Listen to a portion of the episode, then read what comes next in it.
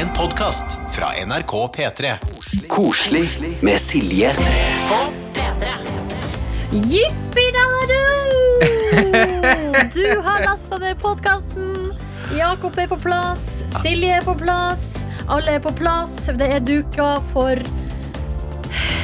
ja, så god stemning. Det er jo noen som syns at det ikke liksom skal være lov å si. Det ikke skal være det? lov å si god stemning. Nei, fordi det er klisjé og Er det sånn at man skal føle stemninga heller enn at man skal si det? Det er sikkert det. Men eh, vi skal jo prøve å ikke liksom mase så mye. Vi skal heller prøve å show, don't tell. Mm. Fordi vi har mye gode greier på plakaten denne gangen. Altså, vi har besøk fra Sunniva, som er kommet fra Verdens beste nyheter. Og det er jo helt dødskoselig. Ja. Eh, Vi skal, eh, vi skal snakke med en lytter som har gjort noe veldig, veldig hyggelig for andre. Hun har, hun har hun bare syda av glede av å gjøre noe fint for andre. Vi skal ha Dyrenytt. Vi skal snakke med en fyr som elsker elgbæsj. Det blir altså Silje Ring eh, lokalavisa, ukas overskrifter. Altså Hva mer vil du ha, spør jeg da? Det høres jo helt strålende ut. Ja, det er vanskelig å toppe det, liksom. Men det er klart at det som gjør jeg tror at vi er så godt humør akkurat nå, det er fordi at denne uka så har det skjedd en stor, stor ting. Og det er at Tom Cruise har sagt at han elsker Norge. Bare hør på det her. Hello, Norway. Uh, Love your country. are you liking This Norway? is Chris McCory. Yeah. Come on in, Chris. Hello? No, like Norway. No, we love Norway. You guys love Norway. It's beautiful here. It's beautiful here. We love Norway, sier Tom Cruise. Han elsker Norge, han. Og det er så godt å liksom bare gå inn i Altså nå Vi går inn i en ny uke med vissheten om at Tom Cruise elsker Norge. det er akkurat det vi gjør. Så eh, bare len deg tilbake, kjære lytter. Føttene på bordet. Altså, ta noe godt i koppen. Kakao, kaffe, te, øl, Buljong? vin. Bul ja, kanskje ikke buljong, men altså, hvis du er veldig, veldig glad i det, selvfølgelig skal du få lov til å strikke buljong. Koselig på Jeg dro ned en spak som gjorde at den lille jinglen forsvant, men det tror jeg vi bare lar være. Vi lar det være. Det går helt fint. Som et bevis på at ingenting er perfekt. I hvert fall ikke jeg. Min hjerne, den er, det er noe rart med hjernen min. Den funker ikke. Jeg skjønner ikke hva det er. Oh, men OK, eh, vi oppsummerer uka her. Det er det vi holder på Det med. er det vi holder på med, Silje. Og eh, eh, vi har tatt et sveip, nyhetssveip, og eh, har jo noen fine ting vi har lyst til å fortelle, så jeg tror bare jeg, jeg går på. Gønn på, gønn på. Eh, The Guardian har en eh, kjempestor sak som handler om at både Google og Facebook eh, nå følger etter Apple og Microsoft, og skal, uh, har annonsert at de nå planlegger å bli karbonnøytral. Ja, det er så strålende. Og det skal de bli innen eh, 2030. Og så er det selvfølgelig masse sånn om og men og for og forbehold, og så er det vel mulig at noen at Google, De har vel sagt det før, og så ikke helt lyktes, osv. Men i hvert fall så går de hardt ut, offensivt, og sier det her er noe vi ønsker å prøve å gjøre så godt vi kan. Og jeg tenker at det at så svære selskap gjør det, er liksom Det er bra signaleffekt til de Det- andre. Det er et veldig bra signaleffekt. Og de må jo bare altså, prøve. Gjør så godt de kan, tenker jeg. Ja, men jeg tenker sånn akkurat de her, Facebook, Google, Apple og Microsoft, de burde gjøre litt bedre enn å prøve så godt de kan. det er et godt poeng. Så vi får se, men jeg liker i hvert fall at eh, de, ja, de sier at det skal de nå, da. Så da ønsker vi dem lykke til eh, med det. Og så videre så um, har jeg kommet over en Altså det her er fra litt sånn harde nyheter og store, store firma. Springer, svinger pendelen helt til den andre enden av skalaen. Der har vi en bonde som heter Scott Thompson, som befinner seg i eh, Wisconsin. Wisconsin. Ja, han har en eh, gård, en gammel familiegård som heter Thompson Strawberry Farm. Og der har de jo vanligvis da strawberries og bær. Ja. Men det han har gjort nå, er at han har planta gigantisk eh, altså, åker med solsikker. Han har planta to millioner solsikker for at folk skal få smil. Han sier altså han har Farmer plants two million sunflowers to make people smile.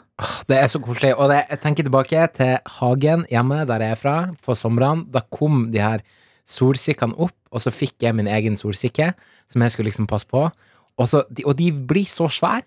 De Men hadde dere det hjemme på Trofors? Vi hadde det.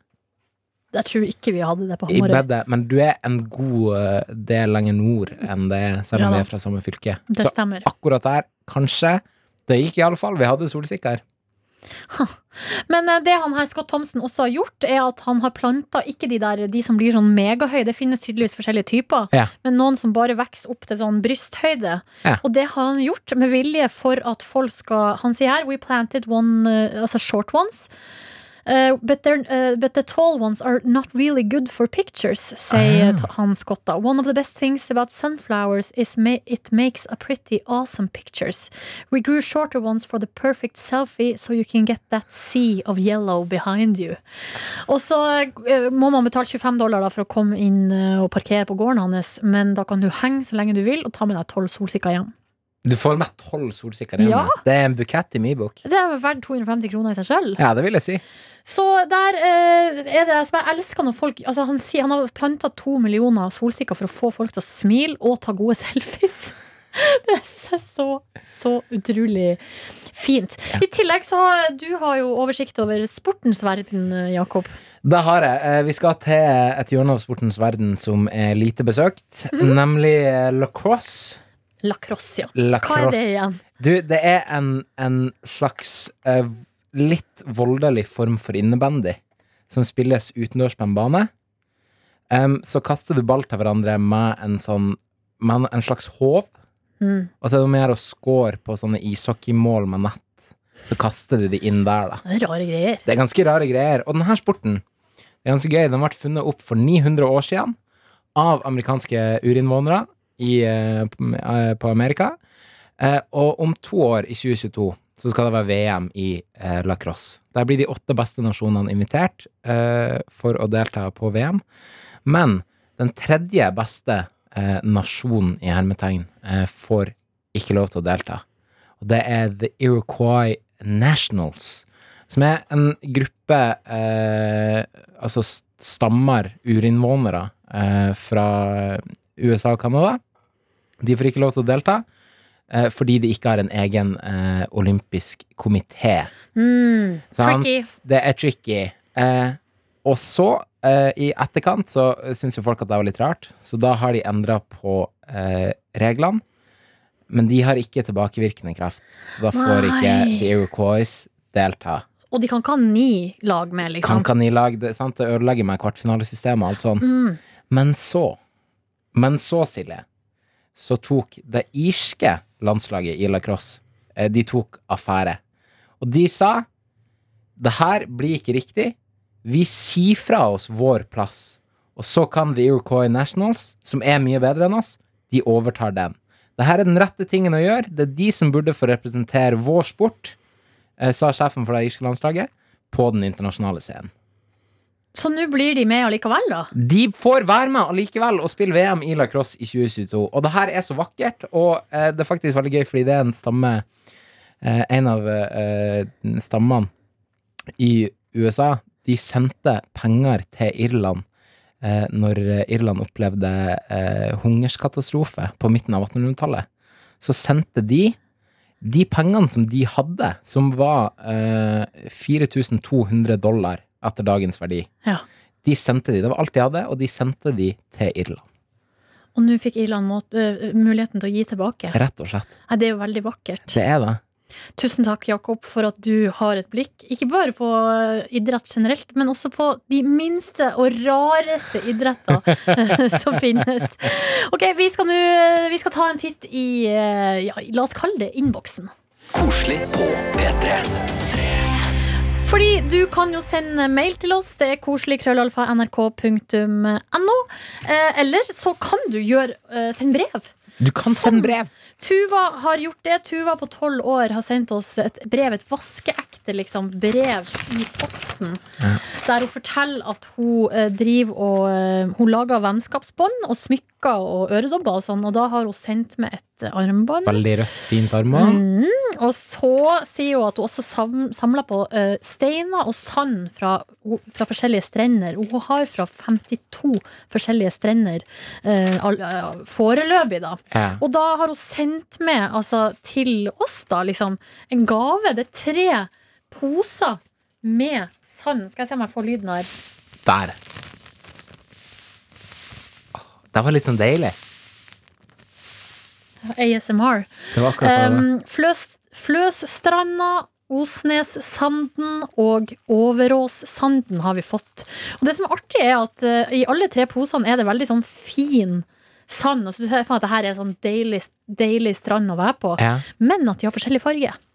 Helt forskjellig farge på de. ja, fordi at noen er sånn lys beige, den ene der. Ja. Og så er det en som er litt mørkere, og så er det en som er helt, helt mørkgrå igjen. Ja. Så Tuva har sendt oss brev, det må vi bare si tusen, tusen hjertelig takk for. Og så eh, har vi jo da mailinnboksen, som er litt mer sånn eh, Jeg holdt på å si tradisjonell måte å gjøre det på, men det er det jo ikke. Det er jo ikke det. Det er jo papirposten som er det tradisjonelle. Me eh, mailen har, er den nye måten å gjøre det på. Mari har sendt en eh, mail, og hun er i Sverige og har, har litt sånn tøffe dager for tida. Så hun har nå bare sendt en mail og sagt takk for at hun eh, får eh, et eller annet koselig å høre på mens hun har det litt tøft. Vær så god. Så da sender vi deg en stor, stor klem, Mari, til deg, både jeg og Jakob. Ja, Det gjør vi. Og så er det jo da Marte som har sendt en mail, og det her digger jeg, fordi eh, sånn her, eh, det her er bra. Sånn skal vi, det er veldig bra. Marte skriver bare Hei, Silje. Takk for eh, koselig podkast. En trofast følgesvenn på kjøreturen til jobb. Kom eh, over denne saken, som jeg umiddelbart følte passa inn i ditt format. Jeg har ikke lest hele saken, for jeg er ikke abonnent på Bergenstiden. Men overskrifta var klingende. Hun har fått folk fra hele landet til å strikke en hel novelle. Ja, den vekker oppmerksomheten. Ja, det gjør det, og da har jeg gjort litt research. Så det er altså ei som heter Britt Elin Skogseide, som er eh, det eh, de kaller for ei strikkedronning. Og det hun har gjort, er at hun har tatt kontakt med en forfatter som heter Jørgen Jæger. Han har uh, leita fram en upublisert novelle. Og så har han um, gitt den til eh, Britt Elin. Og så har hun satt eh, strikkeglade folk i hele landet i gang med å strekke lua, og så skal det være ett ord på hver lue. Sånn at, og, og i novellen er det altså 2538 ord.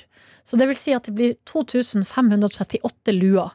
Med ett ord på hver lue. Og hvis man setter de luene sammen, så utgjør det Novellen 'Et fordømt avskum'. et fordømt avskum. Men så er jo det folkene spredt rundt hele landet, da, så vi får se om, eh, altså om det går an å samle. Men jeg liker liksom tanken på å på en måte, altså At man samles jo mer sånn i tanken. Det er akkurat det. I all den tid det ikke er så lett å samles, og i hvert fall ikke 2358 folk akkurat nå. Det er sant. Det går ikke. Det blir en, det blir en litt kortere novelle, det, da. Det blir det. Men det er veldig, veldig fint at eh, den har blitt uh, fått en førstepublisering via Lue. Mm. Veldig. og, og det er veldig sånn eh, unikt. Jeg har ikke hørt om det før. Ikke jeg heller. Så tusen takk, Marte, for den eh, mailen og tips om en nydelig sak fra bergensområdet. Og så har vi ei som heter Aina. Hun har sendt oss en mail. Den var såpass hyggelig at vi var nødt til å ringe opp og ta en prat med henne. Så eh, det skal vi straks høre nå. Og så kan vi bare si at kosepakken i dag, den går til Aina. Koselig på P3. Hvordan står det til med deg? Det går veldig bra. Enn med det? Jo, jeg vil si det går, det går bra. Det er i hvert fall, Nå sitter vi jo her og tvinger oss til å fokusere på, på det positive, og da går, da går det som oftest mye bedre. Sant. Men du, Aina, hvor er, du, hvor er det i, i Norge du befinner deg? Eh, på Åndalsnes. Ja, og der er det vel en viss superstjerne som har vært. Ja, Tom Cruise er her. Og så har vi jo Kompani Lauritzen-gjengen som er her også. Nei, Guriland. Hvem har, hvem har du sett, liksom, av kjente folk? Eh, jeg har nå sett Tom Cruise i helikopteret sitt. Da kjørte han opp, og så stoppa han, og så vinka han ned til oss. Oh my lord. Men eh, hvordan var det? Det var kult. Jeg kom litt for seint til å se han utenfor helikopteret, men eh, det kan hende det skjer igjen. Hvem veit. Du har ikke noe håp om å få snike deg med liksom, i bakgrunnen på den nye Mission Impossible- Mission Impossible-filmen? Jeg prøvde jo å søke som statist, da, men eh, jeg fikk ikke lov. Men eh, jeg har vært med som statist på Furua, som eh, kommer på Viaplay til høsten neste år. Kult! Altså, men kult. hva, hva er greia med at alle skal til Åndalsnes, egentlig? Nei, det er noe fint her, da. Fin natur, høye fjell. Ja. Og ja. Jeg tror det starta ganske mye med eh, Kompani Lauritzen i fjor. Da, tok det seg opp. Men det var jo Marvel var her også i fjor. Eller forfjor. Nei, guri land. Hjelpes med. Nei, vi må bare hive oss i bilen, Jakob, og fære opp med en gang. Det er vårt eget Ja, det- lille Hollywood. Det er bare å komme, så skal jeg ta med på sightseeing. Det høres veldig bra ut. Men du, Aina, vi må over til mailen som du har sendt oss. Fordi eh, Ja. du har gjort noe Du har gjort noe veldig koselig denne uka. Kan ikke du fortelle om det? Det har jeg. Jeg har klippa vekk eh, 25 cm av mitt lange, fine hår. Og gitt det til donasjon til parykker til barn. Men eh, og, og, og, og, eh, hva, var det som, hva er det som gjør at du har bestemt deg for å gjøre det? Det er andre gangen- jeg gjør det. Jeg har det ganske langt, tykt hår, eh, så det krever veldig mye jobbing med å få det flokfritt. Eh, Og så trives vi å ha litt kort hårfrisyre. Det er ikke så kort, det er vel sånn ned til skuldrene.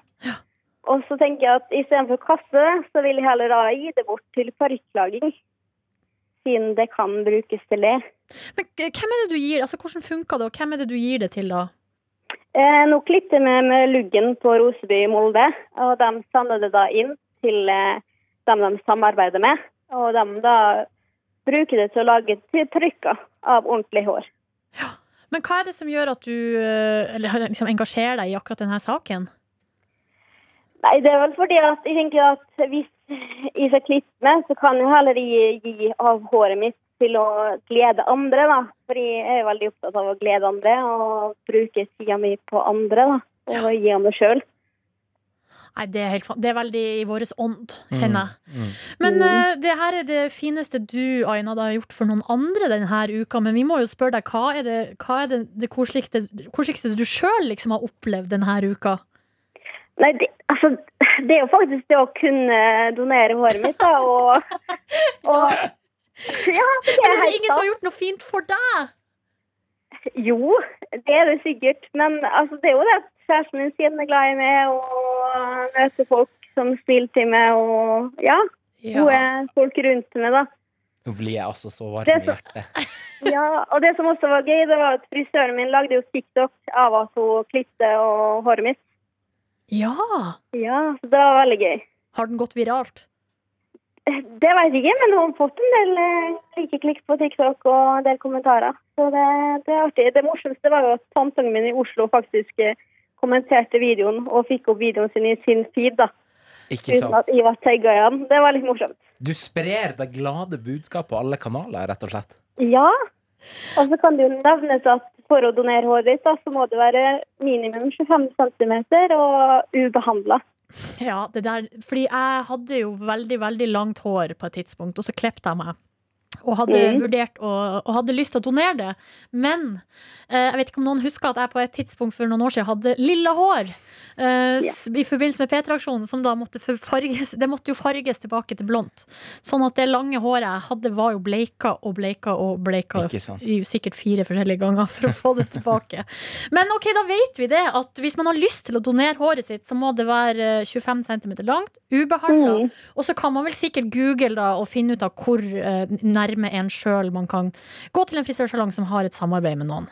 Mm, eller bare ta kontakt med frisørsalongen din og høre. Ja.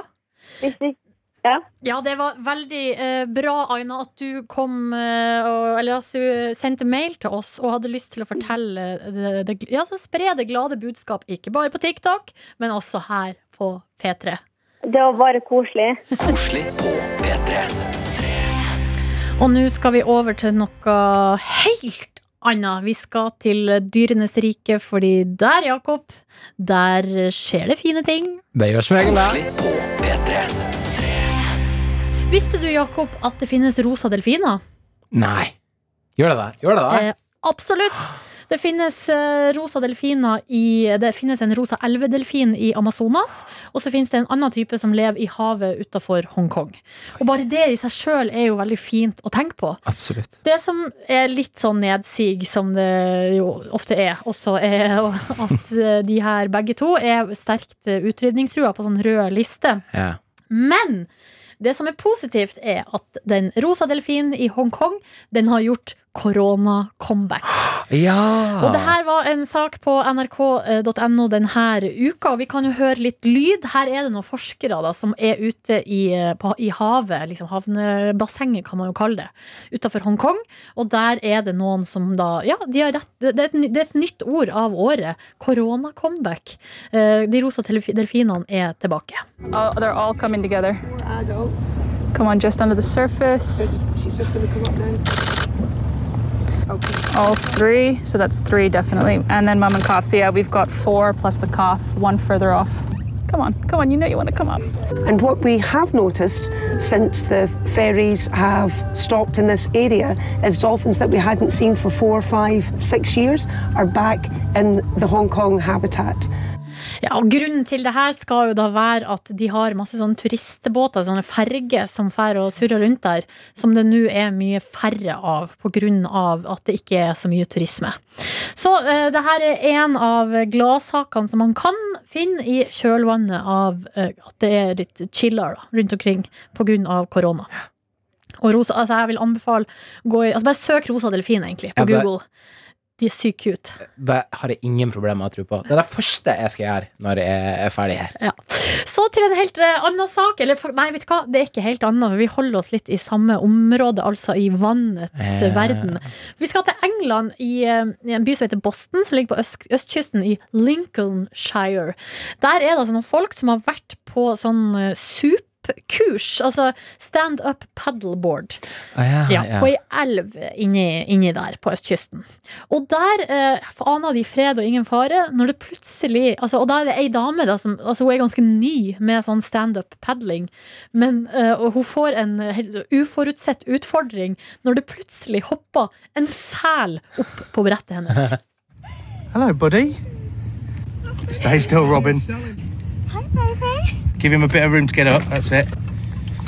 He's fine. He's just dragging himself up. Sniffing it. He's having a sniff.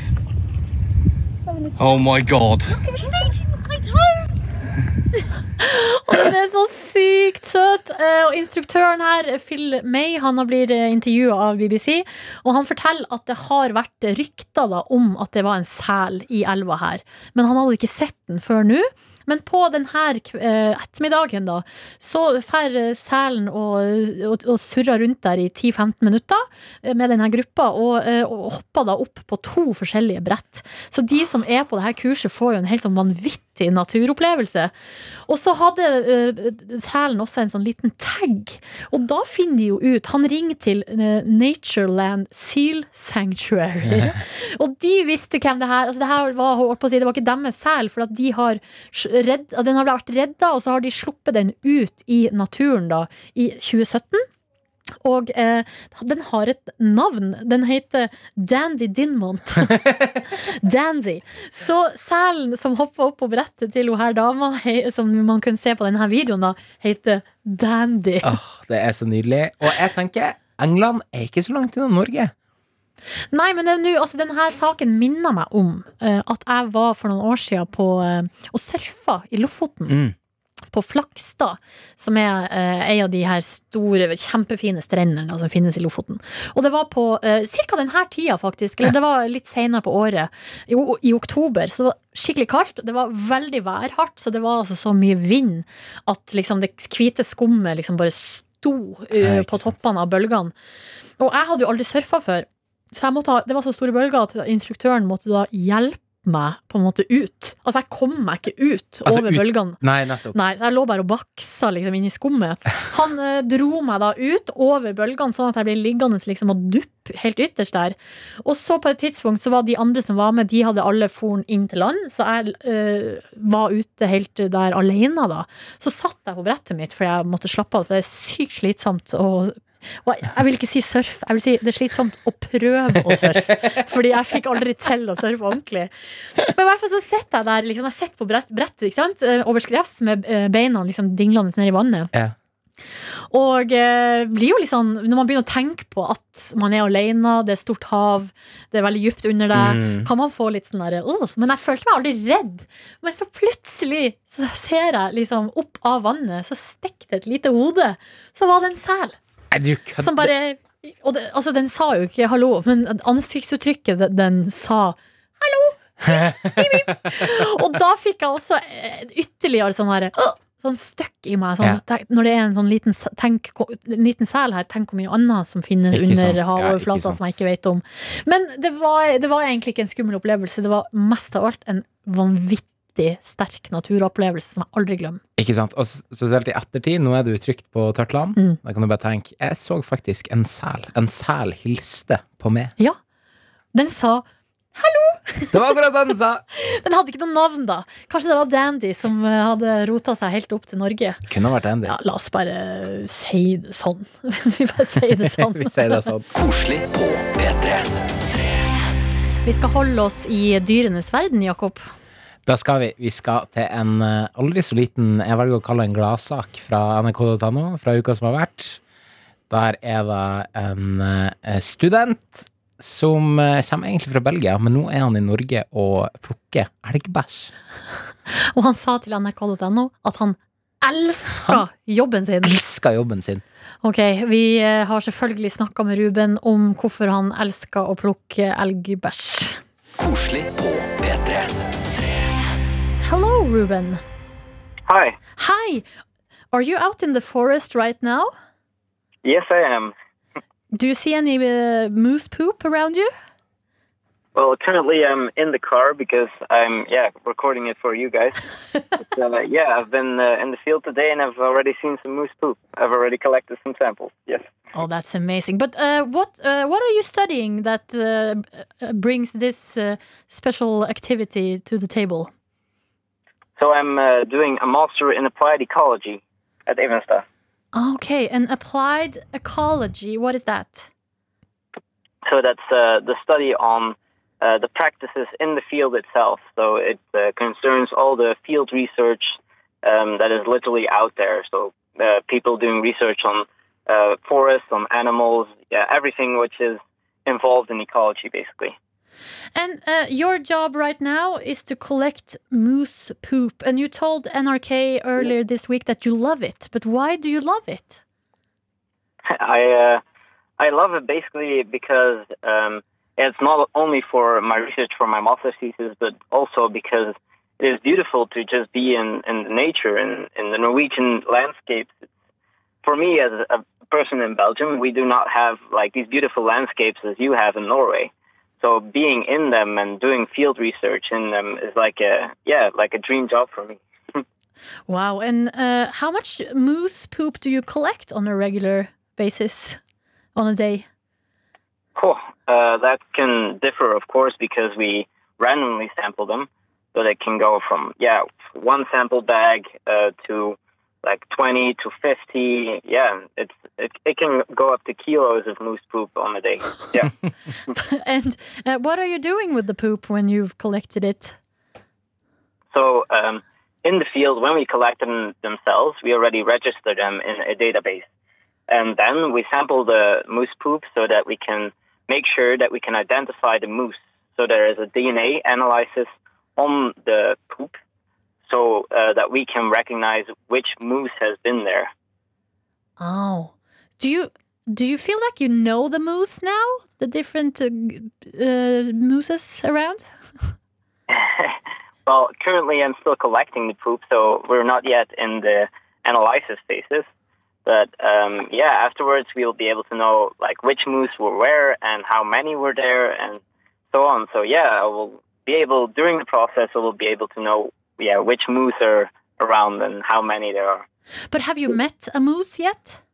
Not Yeah, just the poop. I've already, yeah, I've already met uh, multiple moose. Uh, two days ago, I've met a, a group of three moose, and yesterday we went uh, moose spotting as well, and we saw like in the environment where we are doing plots, there are a lot of moose around as well. So yeah, we can we can see them and red deer and roe deer as well. So it's you- really exciting to see them as well. They're very big. What do you feel about the their size? Well, and even Evenstad, the the campus where I uh, am studying, we also have some moose there. So they are doing some research, and I already got to know them.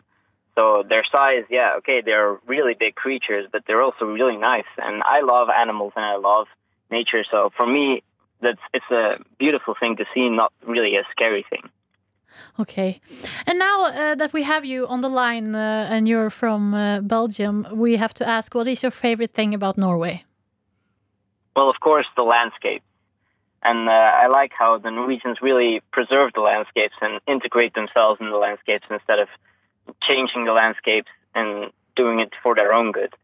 Like in my country, people um, do not adapt themselves to the landscape, but adapt the landscape to them, their needs, which is what I, yeah, for me as a nature lover, I like it way more with a lot more mountains and landscapes to look at and, yeah, people enjoying nature. Would you say that you love Norway? Yeah, yeah, they're definitely. Yes. So now this week you've said it and Tom Cruise has said it. So uh, and nothing makes us Norwegians more happy than uh, foreigners saying that they love Norway. So this is a good week for us. Koselig på P3. Ai, ai, ai, for ei god uke det har vært. Det har vært en nydelig uke. Men, eh, og vi må jo være 100% ærlig at det å kunne ha muligheten til å ringe til noen og si moose poop veldig mange ganger, eh, det, det, det, det vil vi. Det er ikke alle jobbene som innehar det privilegiet, tenker jeg. Man, skulle, man kunne hatt en konkurranse eller kanskje en drikkelek der man må ta en shot hver gang noen sier moose poop. Da hadde Nå er det en stund siden jeg hadde spist òg, så da hadde jeg i hvert fall blitt relativt eh, god i gassen. Apropos det, kan, hvor lenge siden er det siden du har spist? Eh, nå begynner vi vel å nærme oss 45 timer, tror jeg. Er det for privat, eller er du komfortabel med å snakke om det? Fordi for, altså, vi alle er jo forskjellige, men jeg og du, Jakob, på akkurat det som med mat, der er vi veldig forskjellige. Der er vi ganske Ikke at det med vilje at det er så lenge siden jeg har spist, det bare ble litt sånn.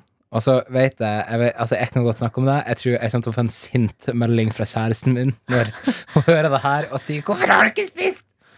Og det syns jo jeg er hyggelig, selvfølgelig. Hva, At hun sender sint melding? Ja, at hun bryr seg.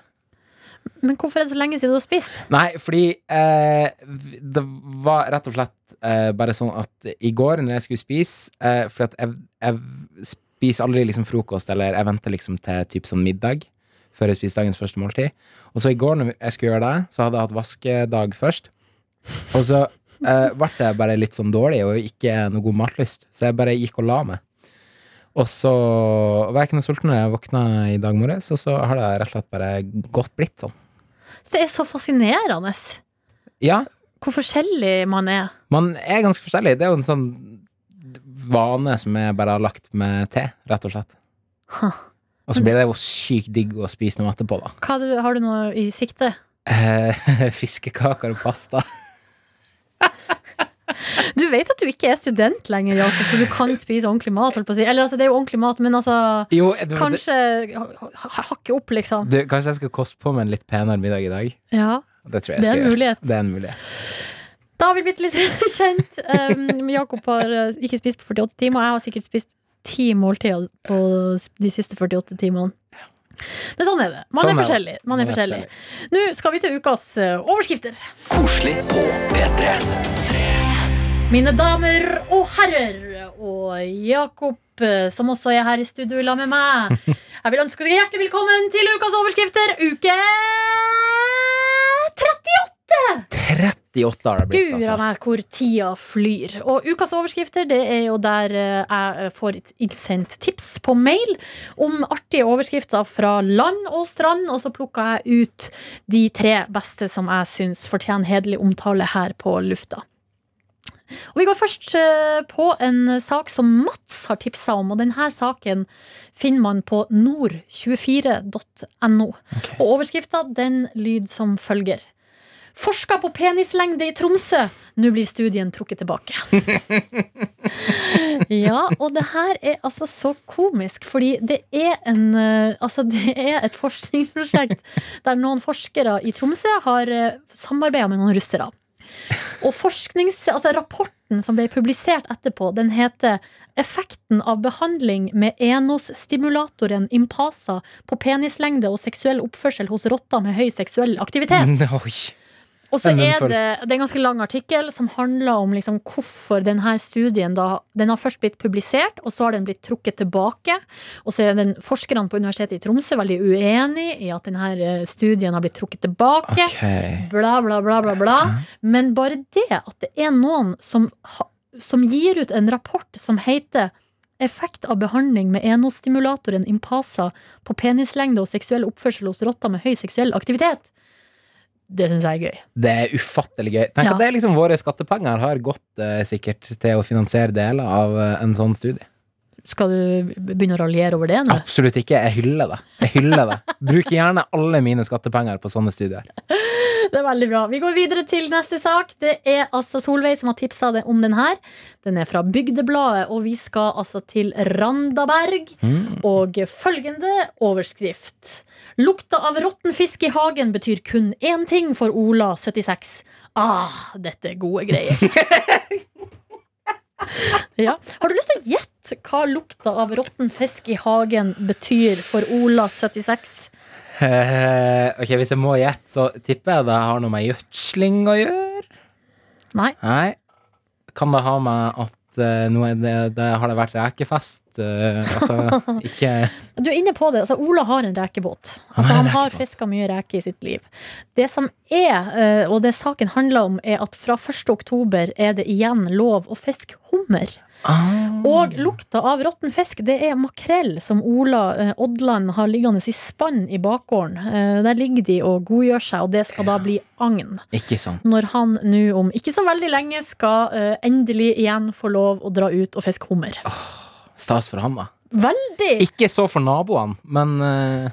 Nei, vet du hva, akkurat det sier jo ikke historien noe om, uh, om det er noen naboer som har klaga. Men det kan jo hende at de også liker lukta av råtten fisk. For det, de- det betyr bare én ting. ja, nå er det hummerfiske på gang. ja, altså Hvis uh, Ola fisker masse hummer, så kan den dryppe på klokkeren. Du, det er et Nabo. meget godt poeng. Hvis jeg hadde hatt en nabo som fiska hummer, Ja. og det dryppa litt på meg, da hadde jeg vært veldig fornøyd. Og jeg hadde tålt litt dårlig lukt Jeg er 100 enig. noen få uker i september. Har dog aldri smakt hummer før. Har du ikke? Nei, jeg har ikke det. Jeg er fra en innlandskommune. Vet du, du er en enkel gutt fra landet. Nei, akkurat det er jeg. Altså, jeg har ikke smakt hummer på Hamarøy, tror jeg.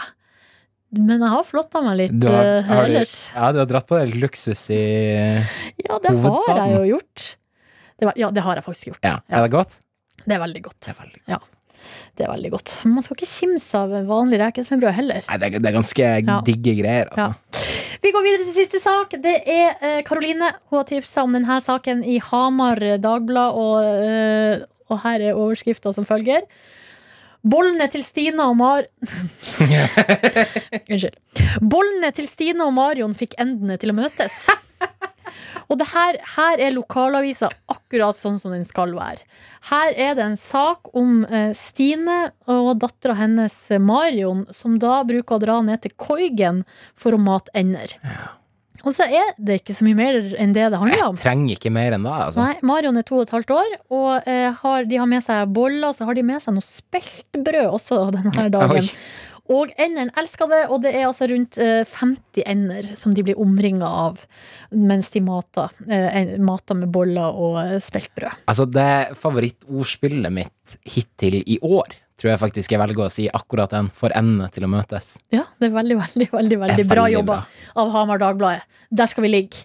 Tusen takk for alle tips jeg har fått i anledning ukas overskrifter. Hvis du kommer over en artig sak, så er det silje.nordnes krøllalfa nrk.no som er adressen. Og de som får saken sin på lufta, ja, de får en overraskelse i eh, posten. Koselig på P3. Nå skal vi over, Jakob, til en eh, gjest. Vi eh, har, eller har snakka med ei dame som heter eh, Jeg må bare ha navnet helt klart her. Sunniva Folgen Høyskar. Yes, akkurat det jeg vet.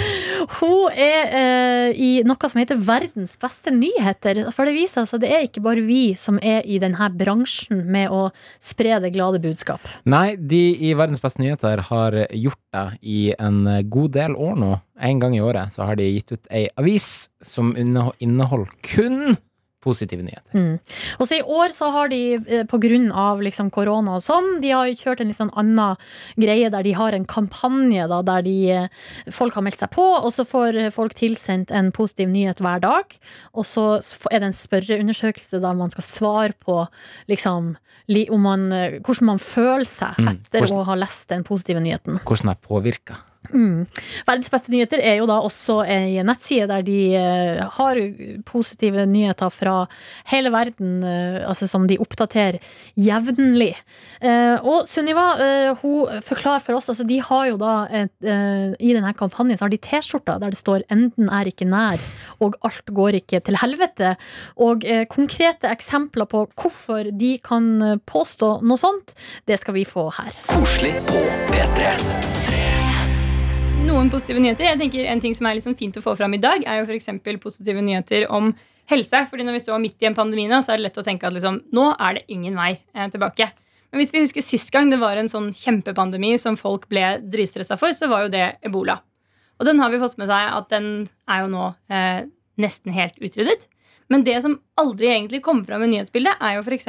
at fra ebola startet og fram til i dag, så er det sånn at de som får ebola, de dør stort sett ikke nå lenger. Vi har fått medisiner, og vi har også nå eh, kommet godt på vei på å utvikle en vaksine. Så når vi startet med ebola, eh, så døde de fleste som fikk sykdommen. I dag så er det veldig få eh, som dør. Så det er også sånne ting som ikke kommer fram. Det at folk ikke dør, er dessverre ikke en nyhet. En annen ting folk ikke dør så mye av lenger, er f.eks. dødsfall i krig. Eh, I 2018 så var det en 20% nedgang i de som døde i krig og konflikt. Ja, det er sånn, Når du sier det, så, så gir det på en måte mening, men det er ikke sånn det virker. Nei, det blir jo veldig sjelden nyheter av at folk ikke døde i dag, eller at folk gikk på skolen i dag, eller at folk overlevde også i dag. Eh, Men det er faktisk det blir en nyhet når det er en så stor endring. Eh, Men det som er greia med sakte nyheter, da, eller med gode nyheter, er at de er sakte nyheter.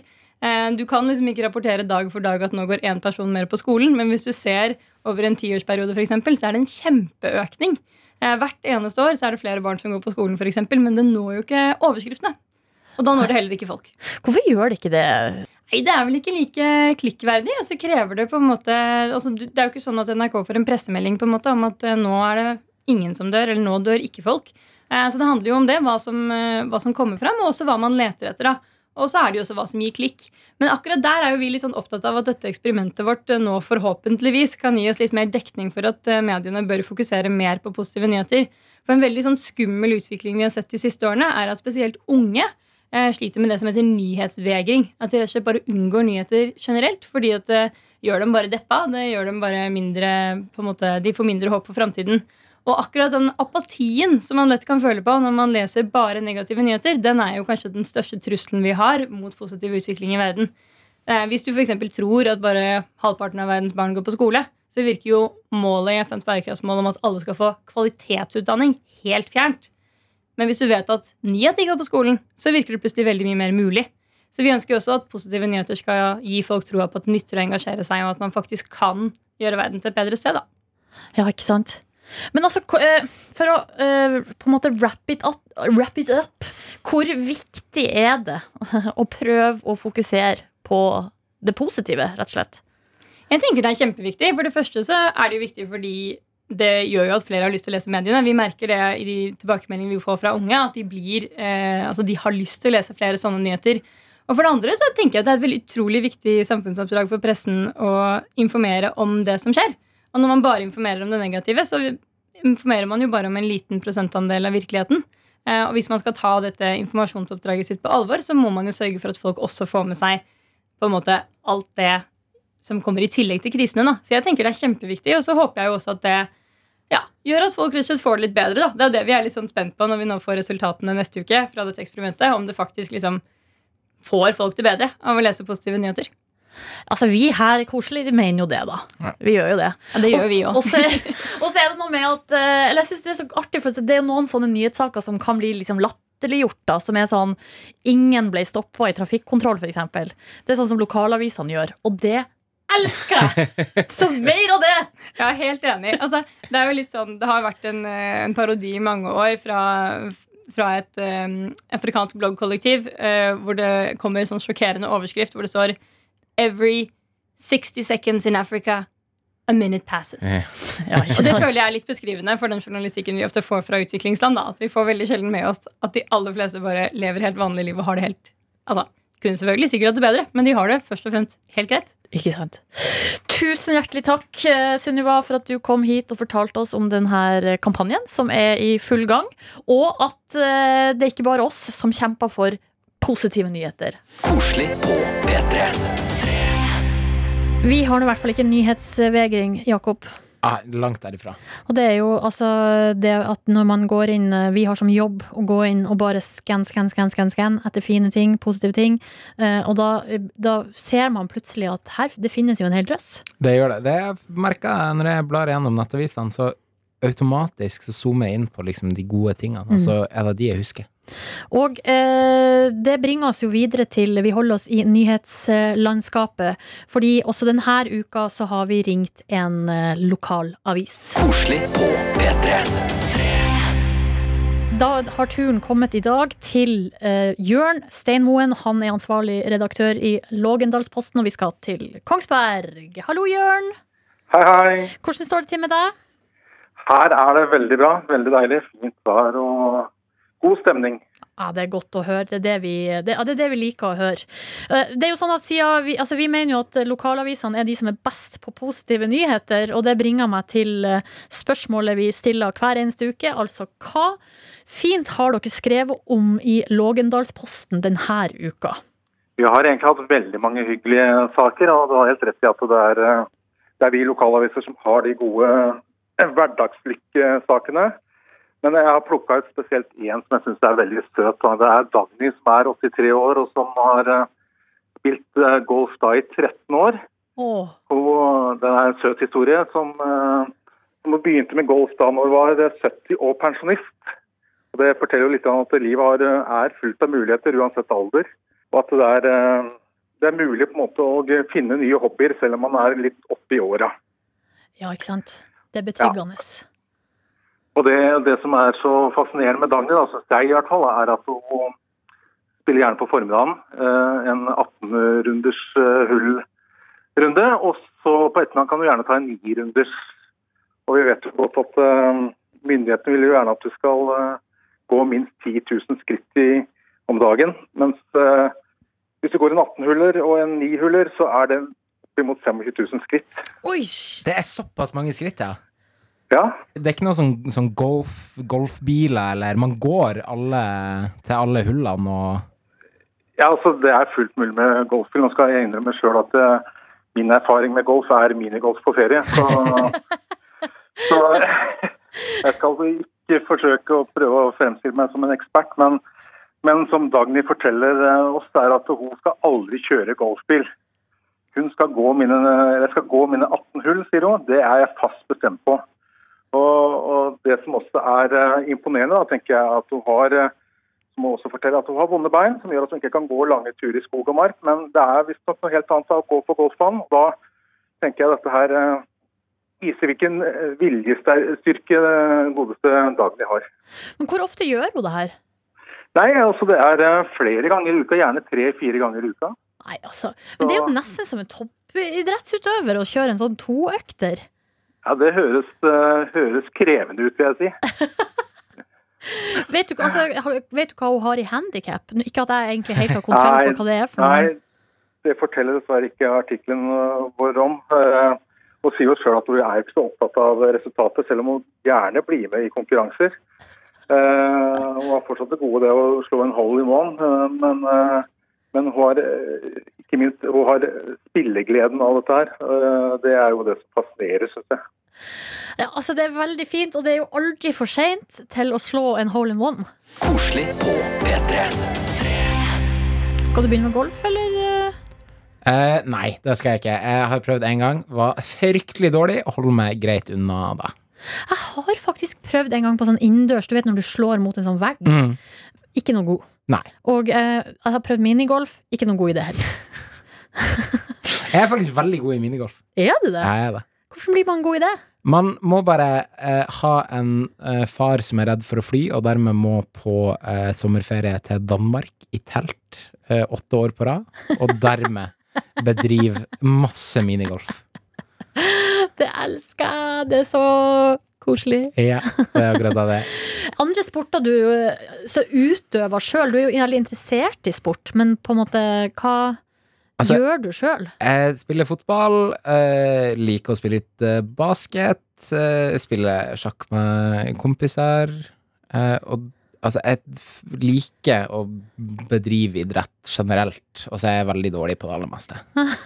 Det er veldig bra. Bortsett fra minigolf, selvfølgelig. Ja, der er du en ener.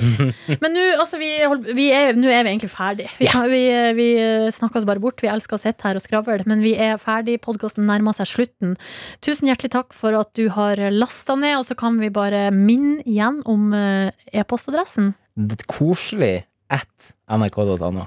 Koselig at nrk.no. Det er mailadressen vår. Send oss en mail når som helst om hva som helst, men helst noe hyggelig.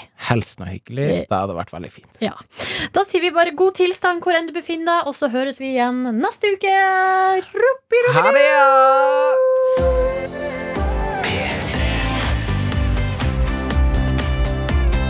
God søndag.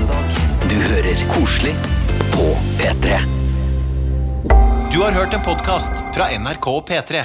Hør flere podkaster i appen NRK Radio.